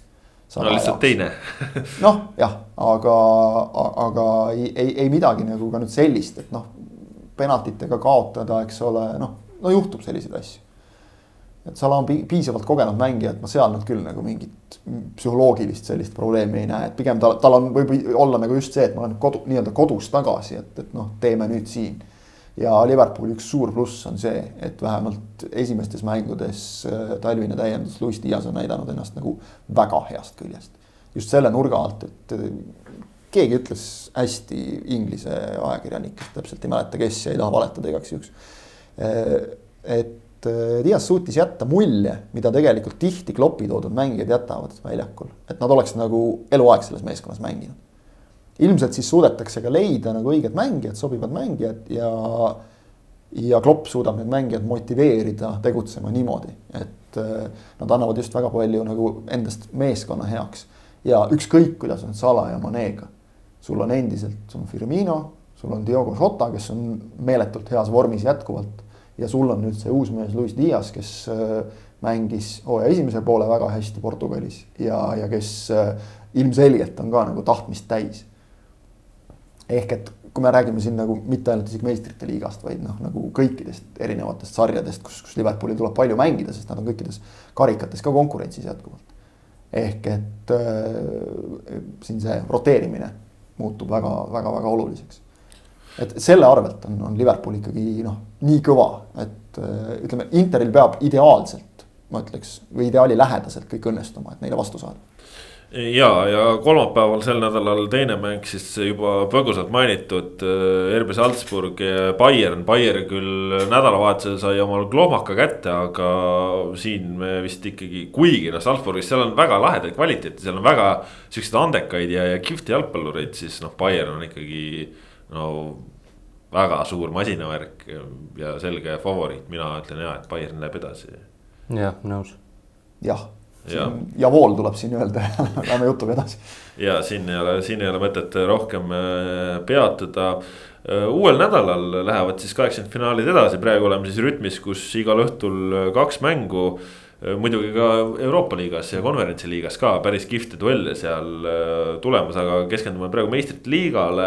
Uuel nädalal siis teisipäeval Chelsea ja Lille, Prantsusmaa meister, kelle käsi ei ole nüüd sel aastal liiga hästi käinud, samal ajal kui Chelsea tuli ju siin nädalavahetusel suurejooneliselt klubide maailmameistriks, palju on selle eest ka neile? jaa. Mis te tunded on? võistlus. Toomas Tuhhel on vist ikkagi selline mees, et ega ta Lillile varianti ei anna või kuigi siin on nüüd ka siin natuke see, et. et kas siin need koroonareeglid tulevad natuke segama, et seal võõrsil mängul ei saa võib-olla Chelsea kõiki oma staare kasutada ja nii edasi. jah, ega ei tea, kes neist täpselt seal vaktsineerimata just, just on Chelsea meestest, et aga vaktsineerimata inimesi Prantsusmaal üle piiri sisse ei lubata igatahes. Chelsea tahtis küll seda mängu viia kuskile mujale neutraalsele pinnale, aga noh, miks peaks Lill sellega nõustuma, ei peagi. et see on nüüd see klassikaline, et kui sul on, on nii, siis on nii järelikult, aga ma ei usu, et seal väga vahet oleks ma ei usu, et seal mõne, mõne mängija puudumine väga palju mõjutab, et Chelsea'l on ka pinki ikkagi nii piisavalt palju ja. ja, ja ka mõne põhimehe puudumisel kogemusi piisavalt palju. et äh, ma, ma hindaks siin ikkagi Chelsea no väga selgeks soosikuks. Kris, kuidas sina? Mm, ma arvan ka, et Chelsea on soosik, aga ma ei tea, kas just väga selge. okei okay,, jah, Lill ei ole hästi mänginud see hooaeg, aga oleks, oleks ühe mänguga, siis ma arvan, et Lillil ikka päris, päris head võimalused, aga, aga kuna kaks mängu, siis jah, ma ei usu, et Chelsea suudab kaks nii halba mängu või siis ühe nii väga halva mängu teha, et nad sellest paarist välja jääksid, aga no ei tea no,. see, arvan... see on hea iva, sellega ma olen nõus just, et, et jah, kahe mängu kokkuvõttes ma ei näe ka nagu Lillil pigem varianti. või noh, mingi väike muidugi on, aga mitte võib-olla päris selline see, see, see Salzburg Bayern, aga Bayerni puhul lihtsalt see ka, et, et nad said oma selle nähvaka just kätte siin koduliigas, mida neil ikka aeg-ajalt sisse tuleb nagu, et, et seal on jälle. praegu on, on nagu mille pealt meestel jälle see tahe ja, ja keskendumine üles ajada ja uuel nädalal, äh, teisipäevasel päeval äh, Villareal Juventus. Äh, no Juventus ei ole sel aastal olnud see, mis nad on. samas nüüd siin natukene omal täiendusi ka tehtud talve jooksul ja kuidagi see mäng natukene tundub, et hakkab paremini klappima. nii ja naa, noh jällegi Atalanta vastu, kes pole ka eriti heas, heas hoos, saadi läbi häda eile õhtul üleminutite väravast lõpuks viik kätte kuidagi, et väga raskelt ennustatav paar no,. väga raskelt ennustatav. mina võin oma ennustuses ära öelda, ma arvan, et Viie Real läheb edasi ja sellest hoolimata, et Gerard Moreno on siin vigastusega väljas praegu ja nii edasi, aga Viie Real on noh, kuigi nad ei ole ju ka äh, sel aastal olnud kõrges mängus, äh, siis see, et äh, noh, kasvõi mida nad mullu näitasid Euroopa liigas olles võidukad, äh, siis, siis noh, praegu kasvõi väga värske näide siit nädalavahetusest, see, kuidas Reali vastu näidati ikkagi korralikult hambaid ka ja seal, seal on seda, ma arvan, kannatlikkust ja, ja tegelikult ka väga palju individuaalset kvaliteeti. kuigi ma arvaks, et nagu suures pildis Juventus on favoriit, siis, siis ma arvan millegipärast, et Via Realil võivad asjad lihtsalt paremini õnnestuda antud ajahetkel kui Juventusel. Kris, mis sa arvad? ma ei teagi see on nii, nii selline nagu Kristjan ütles enne mingi teise paari kohta, et viiskümmend, viiskümmend, aga sinu juttu kuulates see, see Reali mäng, see ka natukene tõmbab äh, Villareali, Villareali poole mind, aga aga no ma ei tea, Juventusel on seda ründejõudu nii palju, lihtsalt kui sa mõtled. no samas Viie Realil on sul kaitseliinis Raul Albiol, kes on ka Itaaliast kogenud ja ikkagi väga noh, küll veterankaitse, aga väga hea ja, ja noh, Pau Torres, kes on noh, Euroopas ikkagi väga tõusev keskkaitse, keda on siin suuremate klubidega ka paari pandud. kuidas ja... need mängud on, et kumb enne kodus? kodus on kõigepealt Viiereal. ja siis ma arvan, et Juventus läheb edasi. ma tahaks panuse ikkagi Viierealiga panna mingil põhjusel. no. et, et kuidagi eurosarjade mängimine, nagu sa ütlesid, neile, sellele meeskonnale sobib. Aga noh, jällegi vaat jube raske on selles mõttes ennustada, et kui vaatad, et siin on eh, kordusmängud on mingites paarides on viieteistkümnendal, kuueteistkümnendal märtsil siin on terve kuu aega, eks ole, et äh, just. no sellepärast me ennustamegi praegu, et see on tänamatu töö ja, ja, ja me peame seda teist nagu ära tegema. aga nagu sa ütlesidki, eks ole, et noh, Real Benzemaga ja Real ilma Benzemata on kaks täiesti. no kuu reaalsus, reaalsus ju, ega me siin. üsna erinevat võistkonda. tõde ei kuuluta, meil kellelgi pole Igor Mangi mingeid sertifikaate. aga et noh, mõne paari puhul on selge, et, et vahet pole, mis, eks ole, see ei muuda midagi, et siin, siin sellistes paarides võib nagu nii vähe olla väheses olla asi kinni, aga, aga Juventusel ikkagi on juba nii kaua logisenud asjad, et ma, ma pakun, et Villarreal läheb siit edasi. ma vaatan praegu Villarreali graafikut ka, et äh, nende kahe mängu vahele tundub, et koduliigas ka sellised äh, üsna mõnusad mängud jah, Espanyol kodus, Osasuna võõrsil ja Celta Vigo kodus. ka sellest sõltub muide väga palju, et kui siin mõni meeskond peab seal mängima mingit võib-olla koduseid liigakarikaid veel ja fina no, finaale ja asju, eks ole, sinna vahele, siis no Via Realil on selles mõttes selge, et koduliigas asjad ei ole liiga head, ehk siis seal ei ole nii suurt survet. Juventuse surve koduliigas tõusta ikkagi sinna tipujuule kandadele on, on ka selgelt suurem no,. Kanda, kandadel nad on, aga Juventusel on vaja top nelja koha pärast madistada praegu. Juventusel tegelikult samamoodi. see, need, need ei ole nagu vähemalt paberil jah, liiga suured mängud. Ja no igatahes äh, üks Juventus, kaks Via Reali, päris ootamatu ilmselt jalgpalliüldsus pigem peab ikkagi Juventus siin.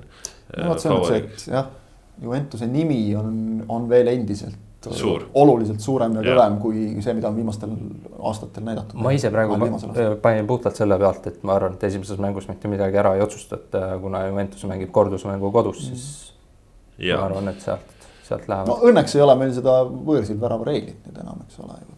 mis see, see, see nagu ma, ma loodan, et see lisab seda vajalikku põnevust ka just, et ei ole esimeses mängus seda igaks juhuks hoidmist, vaid ikkagi esimeses mängus ka riskitakse rohkem natuke. ja, uuel nädalal, äh, kolmapäevasel päeval ka päris mõnusad maiuspalad, no alustame Benfica ajaks, hipsterite duell mõlemad väga punki jalgpalli näidanud äh, alagrupi faasis. see on nüüd see koht, kus, kui Kris ütles enne, et talle meeldiks BSG Reali puhul ka kumbki edasi ei saaks, siis minu poolest võiks nagu siit mõlemad siis saaks asja tasakaalu ilusti. ajaks on alati olnud sümpaatne ja, ja, ja noh, Benfica samamoodi tegelikult nagu need. eks need kõik kolm Portugali tippklubi tegelikult nagu kokkuvõttes on, on toredad. kas, kas selle paari puhul võib nagu seda öelda, et vaadates, kuidas Ajax mängis alagrupi turniiri, ehk siis no täiesti laitmatult, siis siin ei ole varianti ka, Ajax igal juhul edasi.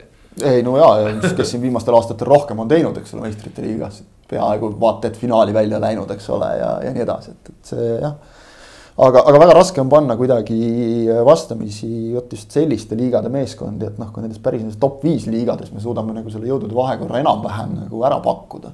et siis, kui nende järgmiste, ütleme siis kuuendast kümnendani, nende liigade ja meeskonnad tipud omavahel vastamisi lähevad, siis seal neid jõuvahekordi kuidagi, kuidagi ennustada on, on palju keerulisem, ma, ma siin ma arvan, selle hea alagrupi turniiri ja üldse nagu viimase, viimaste aastate Euroopas saadud enesekindluse pealt võiks Ajaxil olla väike eelis. võib-olla ja, ja tõesti siis siia ka see juurde, et Ajax mängib teise mängu kodus. Kris, mis sa arvad? ma natukene vaatasin siin liiga tabeleid ja asju ja, ja Ajax on Hollandi kõrgliigas viie punktiga ainult BSV Eindhoveni ees, aga nad on mänginud kakskümmend kaks kohtumist, arva palju neil väravaid on löödud. no ropult. Neile, Ajaxi vastu. aa, neile äh,? ropult vähe. erakordselt väike number, viis. viis jah no,, täiesti sünge ma praegu ei viitsi vaadata, palju nad alagrupis lasid meistrite liigas ka ilmselt suht vähe. väga, väga, väga vähe jah. marssisid sealt ju sirge seljaga läbi yeah. põhimõtteliselt, et seal jah, oli, oli see asi lihtne. ja ma arvan ka ajaks läheb. aga ma arvan, et tulevad väga huvitavad lahedad mängud.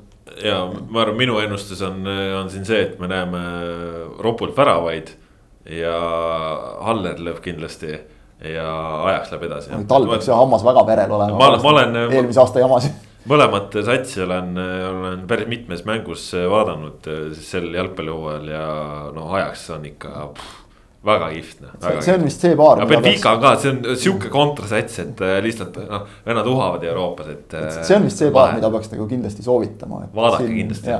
aga Haleril äh, selles mõttes praegu on ta Levast, Levandovskist ühe rohkem löönud, aga kui.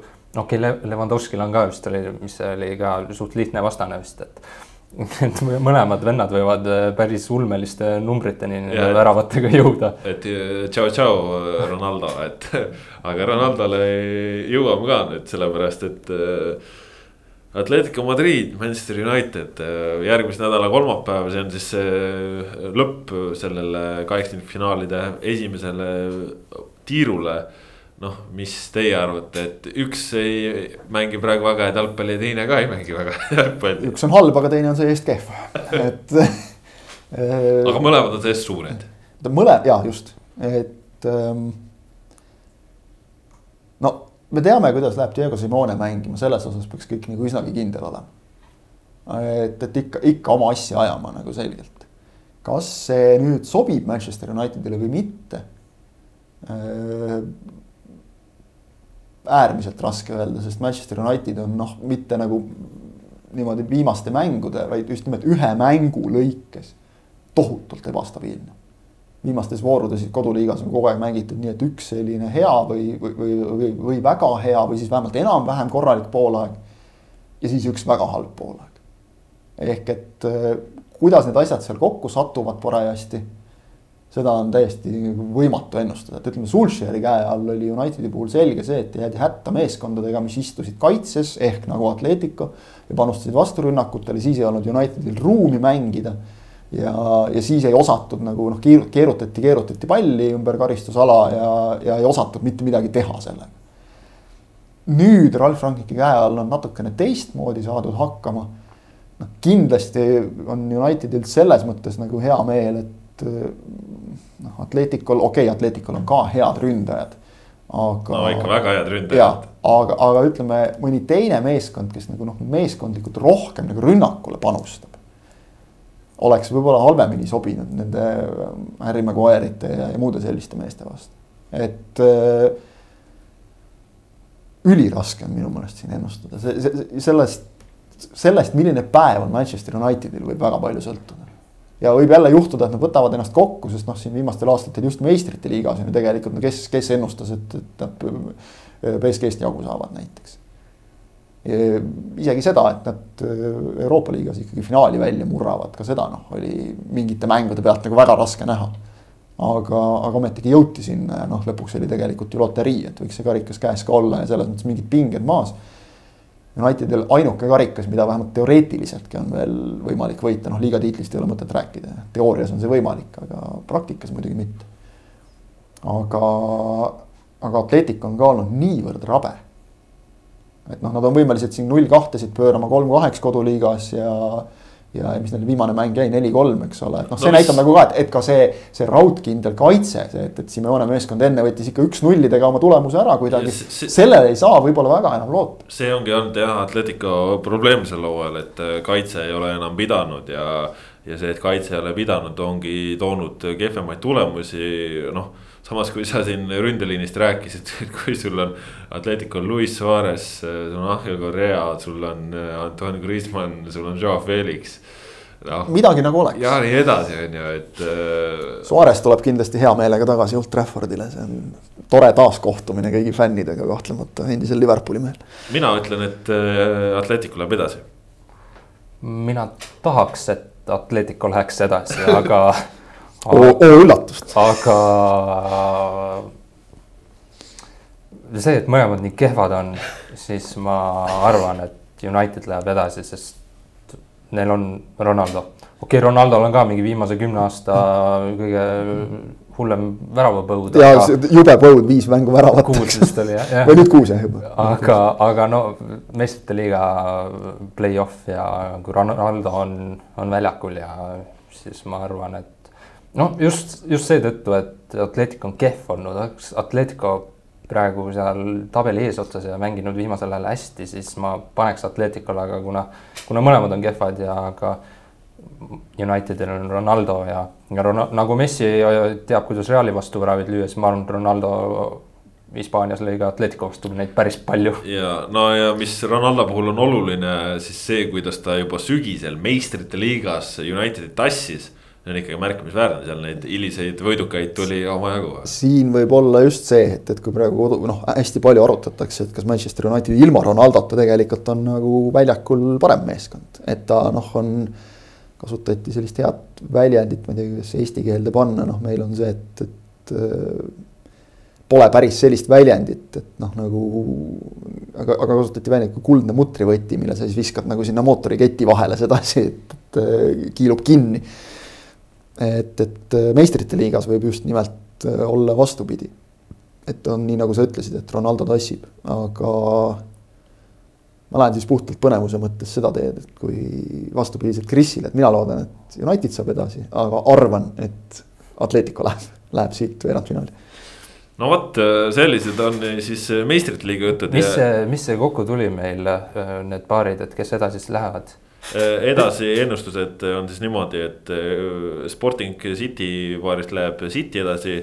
BSG Reali paarist läheb BSG edasi, Salzburg Bayernist läheb Bayern edasi.